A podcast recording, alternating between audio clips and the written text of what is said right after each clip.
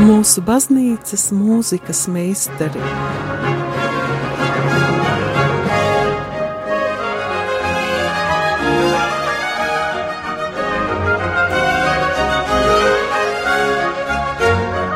Studijā Dace Dreimane. Slavēts Kristus, dārgie radījumi arī klausītāji! Šodienas tēma - ticības dzīve, zinātne un mūzika, jo pie mums, rādījuma arī studijā, viesojas cilvēks, kurš visās trijās sfērās ir ļoti bagāts ar izcilām zināšanām un darbiem. Latvijas Universitātes vadošais pētnieks, mūziķis, spānis, kurš runā ļoti labā latviešu valodā, Emanuēls Fernandes. Slavēts Kristus, Emanuēl! Mūžīgi mūžu slavēts! Es labprāt gribētu jūs stādīt priekšā klausītājiem, nosaucot jūsu daudzos ieņemamos amatus, bet sāksim ar pašu galveno, ar jūsu vārdu, kas savā ziņā atspoguļo arī jūsu biogrāfiju. Iespējams, arī citiem radies jautājums, kādēļ dažviet interneta vietnēs jūs tiekat saukts kā Manuels, citviet Emanuels un vēl arī Manuels Jokins. Jā, tas ir uh, interesants jautājums. Uh, mans kristīvās bārds ir uh, Manuel Joaquin, kas ir tā kā spāņu vārds uzvārds, un tā arī rakstīts manā pasē. Kad man bija 20 gadi, es pārvācos uz Franciju, un uh, tur it kā vārds Manuel neizmanto tik daudz, drīzāk Emanuel. Un tad 15 gadus mani sauca Emanuel. Uh, un arī es uh, ieguvu Francijas pilsonību, un mana franču pasē ir rakstīts arī Emanuel Fernandes González. Un uh, tad, kad es uh, nācu uz Latviju no Francijas, mm, sākumā pajautāja, kā tevi sauc, mani sauc Emanuel. Ah, Emanuels.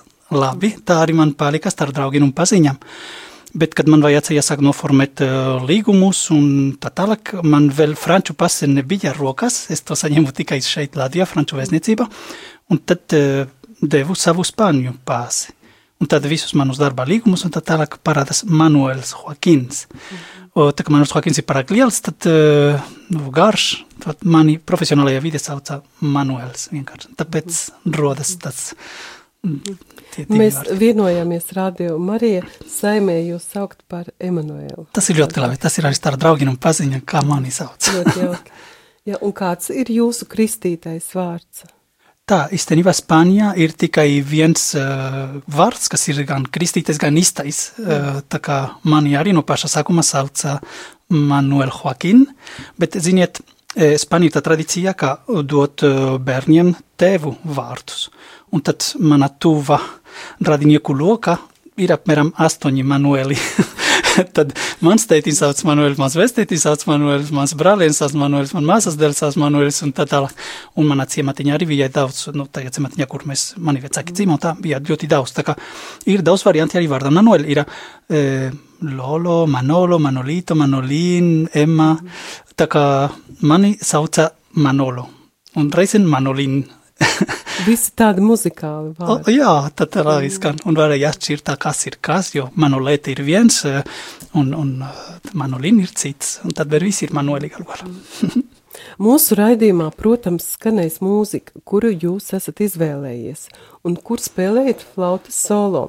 Es ievēroju, ka pārstāvēti galvenokārt ir franču komponisti, vai tas ir tādēļ, ka jums tie ir tuvāki, ja vienkārši tur ir vairāk flautas mūzikas?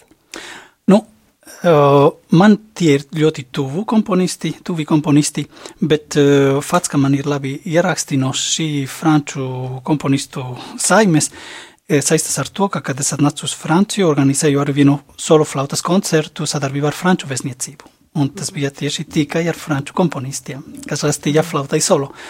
Un gatavojoties uz solo koncertu, arī veidoju ierakstu, un tāpēc man bija tie ieraksti arī, kas uh, tika izvēlēti. Bet man arī ļoti patīk īpaši arī tāpēc, ka jūs varbūt ievērojat, ka ir vairāki no tiem komponistiem, cevišķi Ohana, uh, kuri ļoti daudz iedvesmojušies no spāņu uh, skaņām un mūzikām un attieksmi. Tā kā ir arī... Radniecība. Jā. Mhm. Jā, tātad kā pirmo uh, mēs šodien dzirdēsim Žilbēru Amī. Vai Mhm. jūs varat kaut ko pateikt tuvāk uh, par šo darbu, ko mēs dzirdēsim? Vo- Es domāju, ka mēs klausīsimies viena, vienu no tam trim eķītēm, ko viņš rakstīja flautai solo, un kas ir ļoti tā kā radošas, ļoti tā kā nepareicamas, un kas eksplorē visas iespējamas, kā visas eķītes, iespējamas flautas iespējas, teiksim. Tā kā.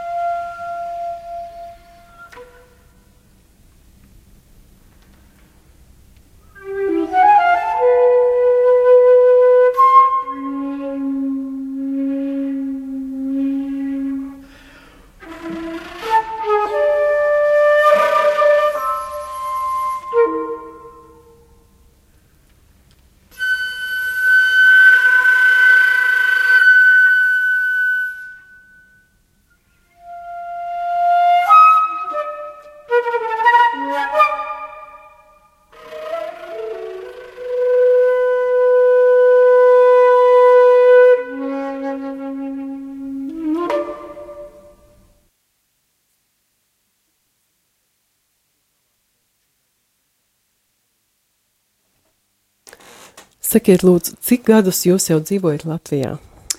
Gandrīz jau 15. O, jubileja. Gandrīz. Ka, kas ir tas, kas jūs pamudināja dzīvot un strādāt Latvijā, nevis, teiksim, kaut kur Rietumē Eiropā? Mm -hmm. uh, es biju Strasbūrā 2004. gadā, strādāju orķestrī, vadīju mūzikas skolu un mācīju flautu. Opus Dei biskaps, tātad katoļu baznīcas institūcija, kurā misija ir sekmēt svētumā meklēšanu pasaules vidu, mani aicināja atnākt uz Latviju sākt Opus Dei darbību, jo viņi bija sarunājuši ar, ar baznīcas vadītāju tajā laikā kardinālu Pujāts un, un Opus Dei biskaps, ka varbūt tā ideja svēt darīt darbu būtu interesanta Latvijā postpaldījumu telpā, kur varbūt cilvēki tas uz- izpratne par darba jēgu nav tik, nebija tik dziļa varbūt. Un es piekrītu tam izaicinājumam. Nu, es teicu, labi, tad es varu pamēģināt, ja es mā- iemācīšos valodu, ja atraisu darbu, un tad tālāk varēšu uz turieni doties. Un tā arī bija. Tā. Um, vai jūs atceraties, kas bija jūsu pirmā darba vieta Latvijā? pirmā darba vieta bija Rīgas katoļu ģimnāzija. Lūk, mēs šobrīd atrodamies uh, virs katoļu ģimnāzijas. Mm -hmm. uh, kāda bija katoļu ģimnāzijas audzēkņi? Vai viņi bija centīgi? E, jā, bija kā viss, viena no visa, teiksim tā. Bet e, to, kas varu pateikt, ir, ka es ja mācījos latviešu valodu arī pateicoties viņiem, tāpēc, ka viņi ir ļoti uh, tā kā jautri, bet arī nežēlīgi, kad vajag. Prasīgi. Jā, nu, teiksim, piemēram, vienu reizi es gribēju, uh, nu, gatavoju savas stundas tā, es vēl latviešu valodu neparzinu, es uh, lasīju kādu īsu tekstu, un es tajā dienā viņiem teicu, šodien klausīsimies Figaro kazas. Tas uzreiz bija lieli iesmiekļi, jo tā klases nevarēju saprast, kāpā, kāpēc, nu, tas ir rakstīts šeit Figaro, kas esmu Mozarta opera, nu. Un Jā. tad viena no tā meitenīte, kas priekšā sēdīja pēc divām minūtēm, kad visi jau bija tā kā smējosies, ka, bet es, jūs zināt, tas mazs cīviņieciņš, kur, un tad sapratu, ka kasas un kāzas nav viens un tas pats, un tā tālāk bija citi gadījumi tādi, bet vienmēr ar prieku, humoru un, un arī ar to profesionalitāti, ko mēs cenšamies ievies savā darba, tā kā iemācījos to latviešu valodu. Bet bija Jā. ļoti labi laiki. Jā. Mhm. Pievēršoties atkal franču mūzikai, skanēs etīde, ko komponējis Pols Jean Žans. Vai jūs mhm. varētu kaut ko tuvāk pastāstīt par šo? Ļoti interesantas etūdes, kas ir balstītas uz to pentatonisku, pentatonikas modalitāti. Mm -hmm. Mm -hmm.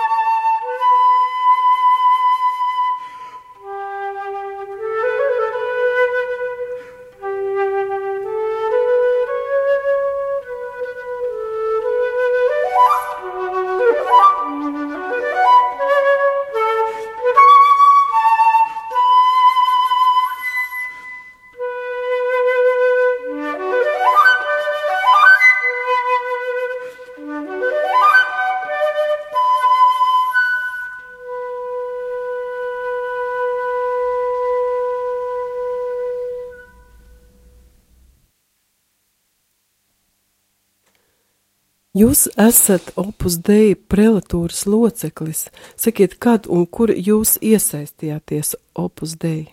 Mm, Ar opus dei iepazinus, kad man bija 14, 15 gadus, gadi tad uh, Spānijā. Un uh, juridiski varēju iesaistīties tikai 18 gadu vecumā, jo agrāk nedrīkst iestāties prelatūrā.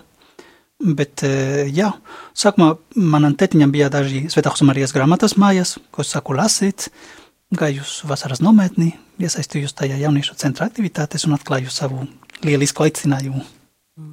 Mhm. Un uh, Latvijā tieši opus dei ir saistīta ar Āgenskalna studentu viesnīcu. Vai jūs esat līdzdalīgs šīs viesnīcas tapšanā?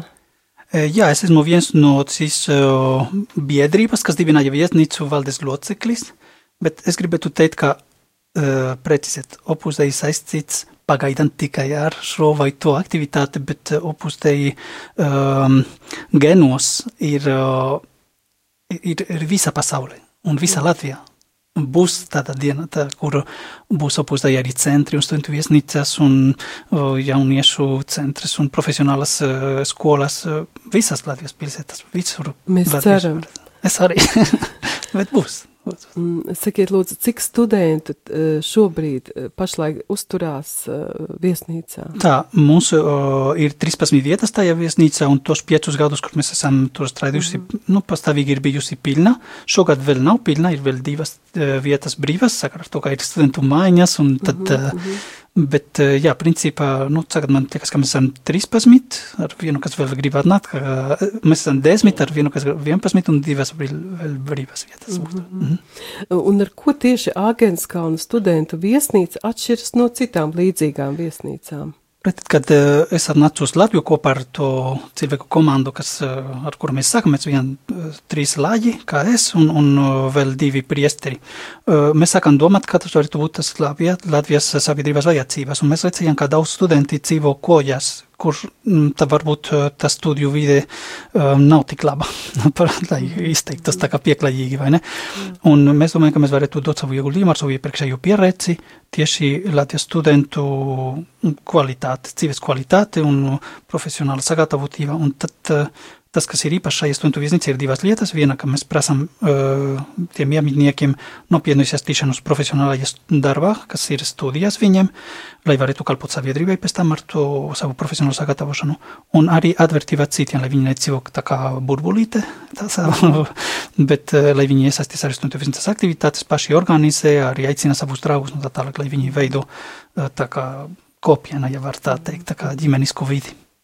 Bet Āgenskalnā dzīvo tikai vīrieši.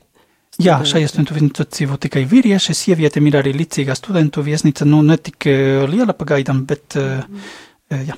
Jā, es lasīju kultūras centrs Rīva. Mhm. Mm, Tieši Tas arī tā. ir opus dei pārziņā. Mhm. Uh, nu, piemēram, ja tagad klausās uh, kāds students mūsu raidījumu un viņš, viņš ieinteresējas, kā viņš Mhm. varētu pieteikties? Nu, Vienkārši ir agenskals.lv, tad Ah. mājas lapā, un tur var atrast kontaktu informāciju, uzvanīt uz to numuru vai rakstīt e-pastu uz info agenskals.lv, un tad uh, operatīvi atbildēsim uz visam. Tad, Un vai ir svarīga konfesionālā piedarība, piesakoties dzīvot? Nav būtiski, ka mums ir bijusi arī cilvēki, kas netic dievam vispār, un kas ir uh, vai luterāni, vai baptisti. Uh, Galvenais ir, ka nu, viņa nav sirdsprieka, ja viņš redz priesteris uz par, ga- pa gaitiņu, vai ne, ka viņš jūtas labi tajā starpkonfesionālā vide, un, uh, bet uh, bez tam, jā, ka viņš respektē citus, bet citādi tas ir atvērts visiem, jā. Jā, labi, lai tagad skan šķiet jūsu iemīļotais komponists Moris Ohana. Mhm, paldies. pareizi- Un skanēs otrā daļa no četrām improvizācijām Lautais solo. Mhm, pareizi.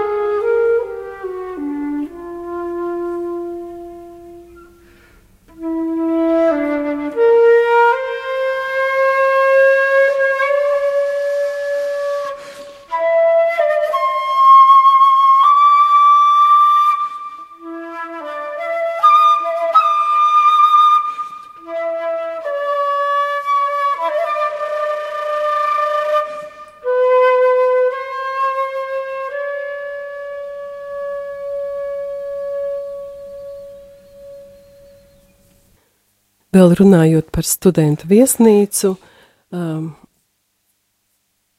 es atradu viesnīcas tīmekļa vietnē um, tādu sadaļu kā izglītojoši pasākumi pieaugušajiem. Kādiem pieaugušajiem tie ir domāti un kādi ir šie pasākumi?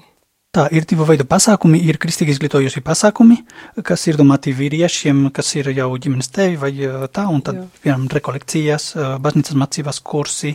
Tagad mēs, piemēram, par rīt, no rīt, jo trešdien būs filma par pavestu Francisku un līderību, lai gatavotos pavestā vizītei. Pēc tam mums ir arī pasākumi ģimenēm gan saviesīgi pasākumi, gan arī izglītojoši pasākumi. Ir tā biedrība, ko sauc ģimenes akadēmija, kas ir domāta uh, vecākiem, kuriem ir bērni uh, starp 0 vai 3 uh, un 3 gadu vecumā vai 4, 7 gadu vecumā, ir kursi par bērnu audzināšanu, kas, uh, nu, mēs īstenojam Latvijā startautiskā ģimenes federācijas kursus. Un, jā, šobrīd notiek ļoti strauja attīstība šajā jomā, jo ir interese ir liela. Mēs arī ieguvām startautisku grantu, lai varētu attīstīt šo projektu, tulkot nākamā kursa materiālus. Tā tālāk tā kā aicinu arī cilvēkiem, kas, nu, jauniem vecākiem, kuriem ir bērni tajā vecuma posmos, tā kā interesēties rakstīt varbūt studentu viesnīcu, un tad dosim viņam informāciju par to ģimenes akadēmiju. Oh, līdzīgi tātad var pieteikties arī jebkurš pieaugušais vīrietis. Jā, tur īstenībā tajos kursos obligāti jāpiedalās vīrs un sieva. Tikai ģimenes. Jā, tas tā, tā metodika, tā programmas metodika ir domāta tieši vīra un sieva uh, savstarpējā komunikācijas attīstīšanai, mm -hmm. arī sadraucība ar citām ģimenēm un uh, kritiskās domāšanas attīstīšanai. Uh, un tad uh, ir obligāti, lai abi piedalās kopā, lai nav pēc tam šķēršanas mājās, kā es jau zinu, tāpēc, ka biju kursa, bet tu nezini neko, un tu kā, un tas rada strīdas starp vecākiem, lai viņi vienāk, un klausās tu pašu, un pēc tam savā starpā arī paruna par to visu. Brīnišķīgi. Un mūsu nākošais uh, skaņdarbs šajā raidījumā ir Andrēža Olivē Incantations. Un tās ir, es saprotu, piecas, un mēs klausīsimies pirmo. Vai jums ir kāds komentārs par šo darbiņu? Tā ir maģiska mūzika. Tā Žolivē tieši gribēja tad ar skaņas maģiju spēlēties.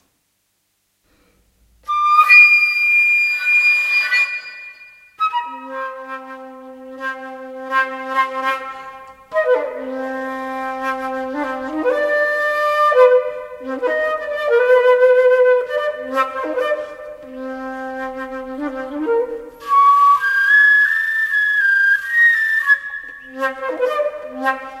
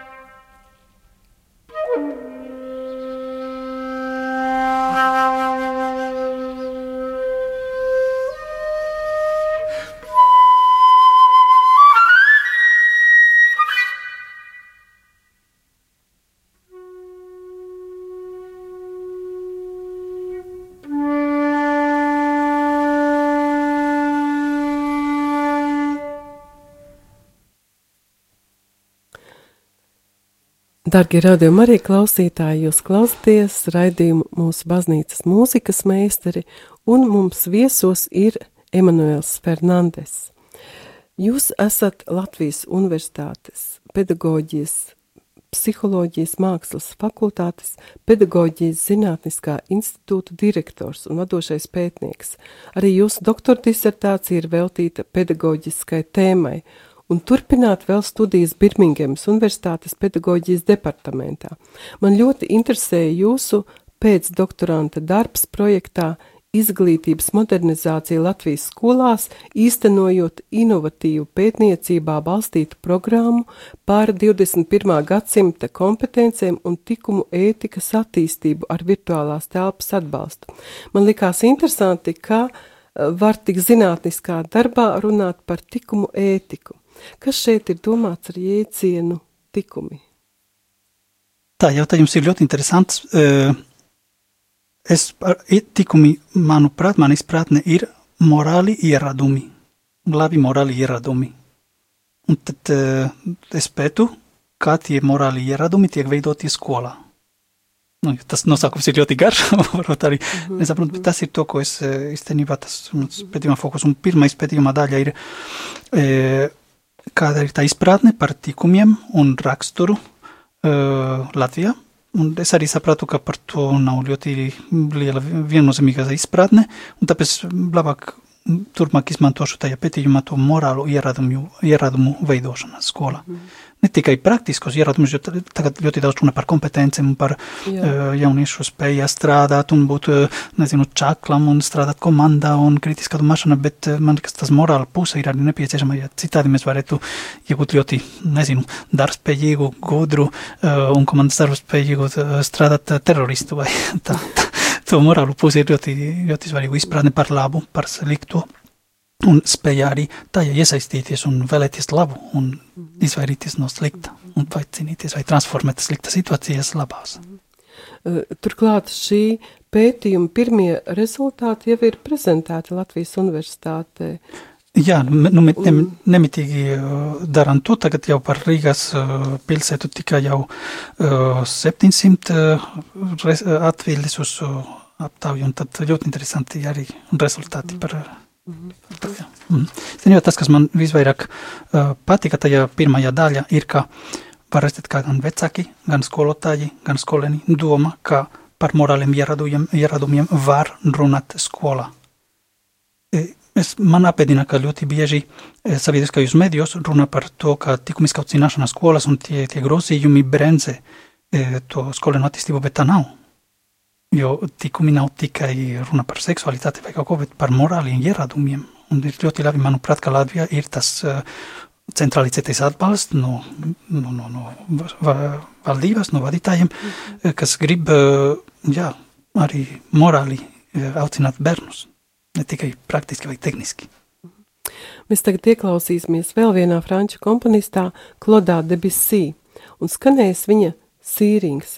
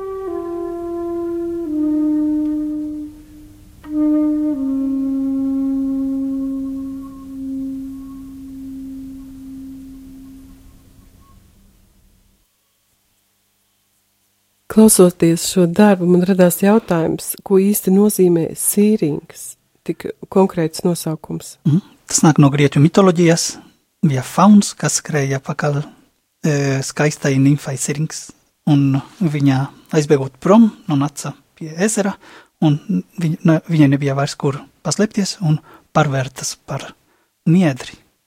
Tad fauns redzēja to niedri, to paņēma, un ar to veidoja flautu un spēlēja šo melodiju. Sk cik skaisti.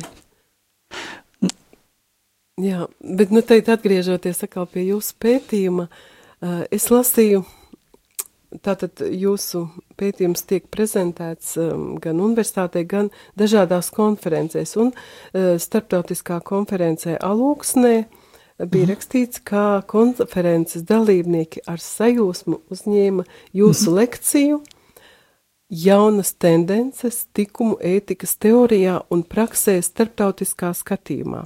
Kādas ir jaunākās tendences tikuma ētikā? Tieši iekļaut to skolā, kā uh, studiju priekšmets un arī transversāli caur studiju priekšmetiem. Līdz šim bija tā izpratne, ka tikumus vispār vai nevar mācīt, tas ir arī uh, teiktu, diemžēl rakstīt mūsu skolā 2030 projektu, ka jā, vajag veidot ieradumus, bet ka tos skola nevar, teiksim, mācīt, ka vajag tikai vienkārši to segment, bet nezinu ļoti labi kā, bet tās jaunas tendences, kā to var darīt skolā sistematiski un mērķiecīgi, protams, ne ar lekciju metodi, mm -hmm. bet uh, morālos ieradumus var arī segment skolā, kā katoļu ģimnācija arī ļoti labi pierāda, piemēram. Jā, ir piemēri, mm -hmm. izcili. Lūk, un mūsu nākošais franču komponists būs Mišels Blavē, mm -hmm. ja pareizi. Un viņam arī ir darbiņi, eh, darbs, kas sastāv no četrām daļām, tā ir, mm -hmm. ko mēs tagad dzirdēsim, un vienu no tām mēs klausīsimies. Mm -hmm.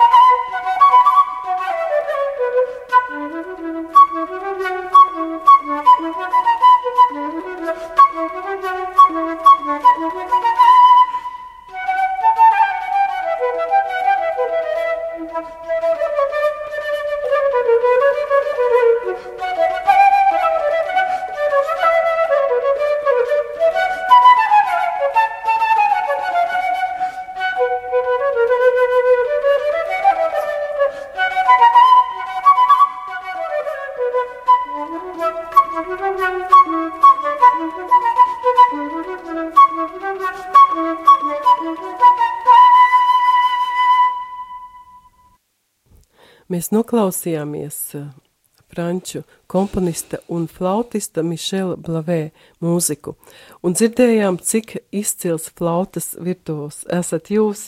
Jūs esat arī spēlējis uh, orķestrī un arī solo un pasniedzāt arī meistarklases. Cik mm. šobrīd ir aktīva jūsu koncertdarbība, kad jums ir tik daudz citu pienākumu? Jā, tiešām tagad uh, flauta nav mana profesionāla darba pirmā vieta, bet es uh, 2010. gadā saņemu izcilu ieteikumu no opusēja prelāta, uh, no Javiera Ševarija, kas uh, atnāca uz Lietuvu, sagāju viņam, uh, viņu apmeklēt, un uh, viņš man pajautāja, nu, kā tev ar flautu? Uh, jo es nezinu, kā viņam bija fantastiskā atmiņa, viņš par visiem atcerējās. Un uh, es viņai teicu, nu, tagad es rakstu disertāciju, man daudz laika, varbūt arī nedēļa, varbūt tikai desmit dienas. Viņš teica, ok, es saprotu, ka tagad tu vairs nevari spēlēt 3-4 stundas, kā, kad tu biji tā pirmais profesionālais darbs šīs. Bet 10-15 minūtes dienā tu gan tu vari. Pamēģini.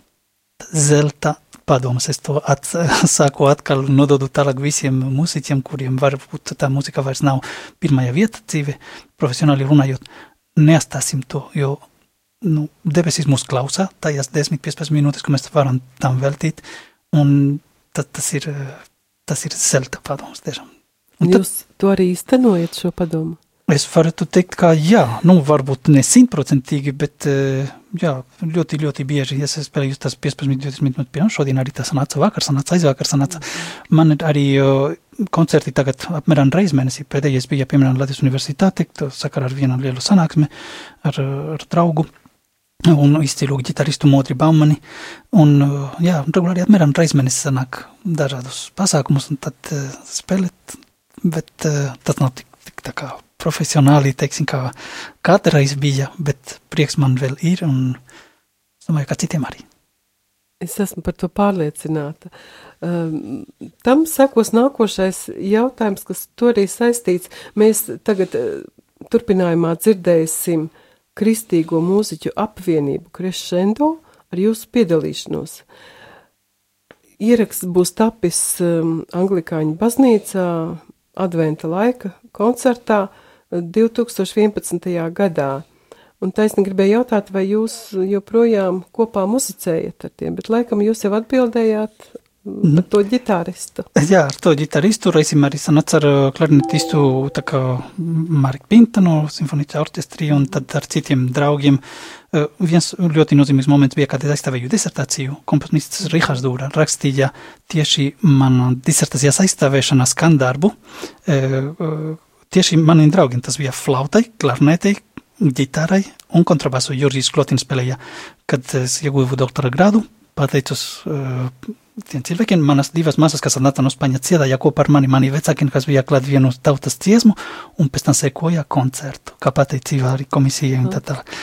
Tas bija ļoti, ļoti skaists, ļoti skaists improvizācija, tā kā Bet vai šis darbs vēl kaut kur ir izskanējis? Jā, vēl divas reizes spēlējām tur ar to pašu sastāvu. O, ja, ja es pareizi atceros, tas bija tieši uh, improvizācija. Jo, es viņam prasīju, lai tur ir apvienoti tās divas daļas, kas bija mana disertācija par mākslinieka un pedagoga identitāti kā viņas var sastarpēji sadarboties, un viņš bija iedomās, jā, mākslinieki būs šīs, pedagogs būs šīs, un tā arī mm. sākumā varbūt katrs uh, atsevišķi, un pēc tam tas apludinājies vienā, integrējies tās identitātes un muzikālas temas. Brīnišķīgi. Tas, ko mēs tagad dzirdēsim, būs no, būs no Ziemassvētku laika, un tās ir piecas spāņu Ziemassvētku dziesmiņas. Mm -hmm. um, es, kad klausījos, es, protams, neatpazinu, ka, eh, ka tā ir Ziemassvētku mūzika, bet tā ir mm, tāda īsta spāņu mūzika. Mm, klausīsimies! Mēs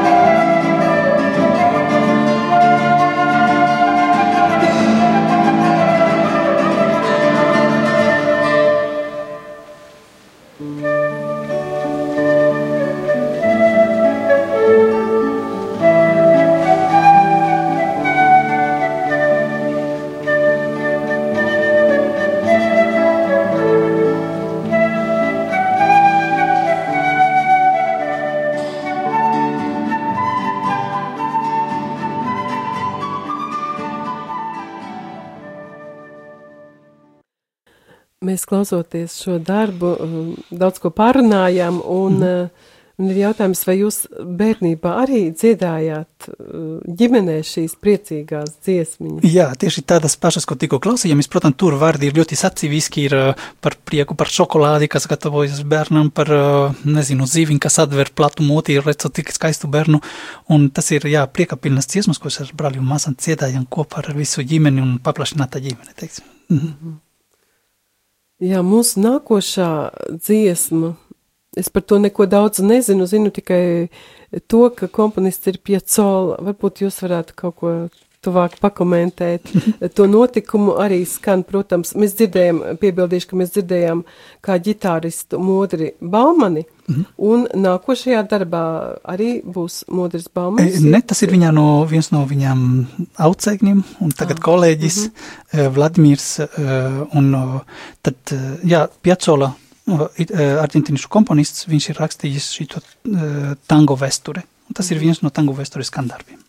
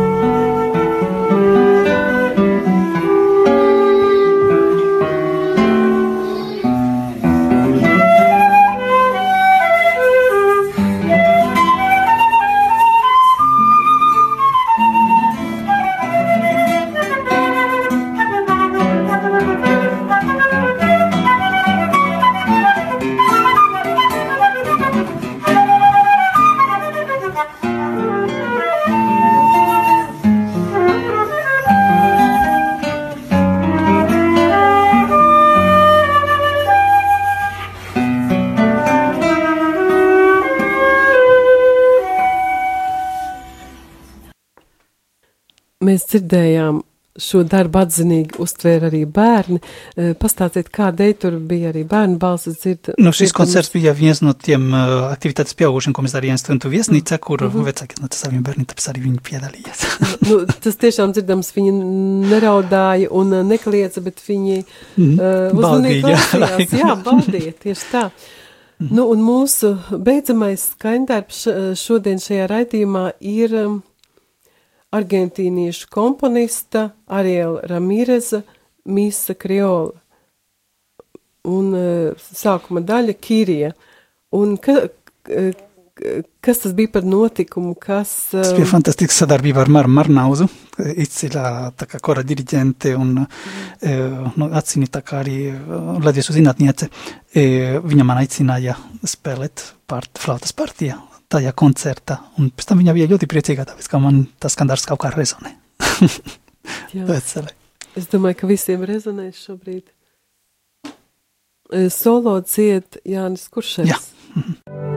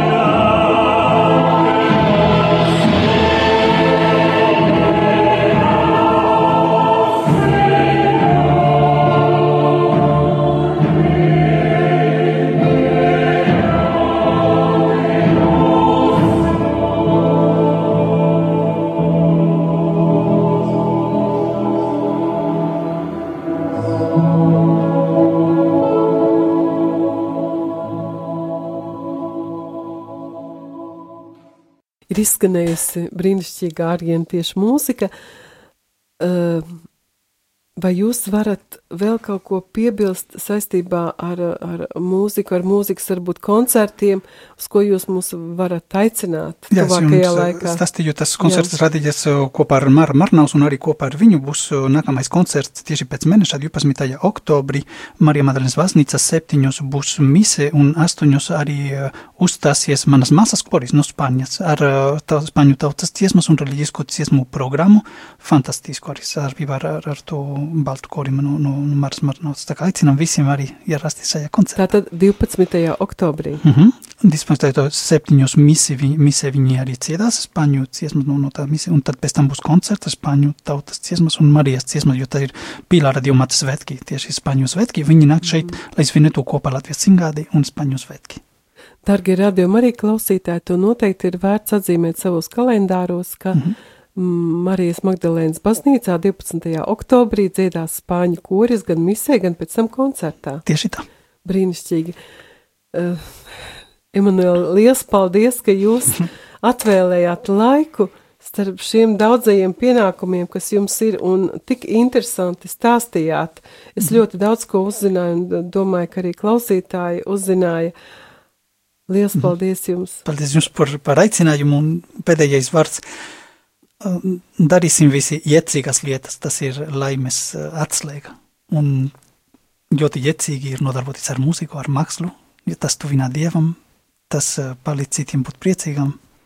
Ja jums ir talanti, dariet, ja nav, attīstiet. Paldies jums, lai tā notiek ar Paldies. Dievu jums. Ar Dievu.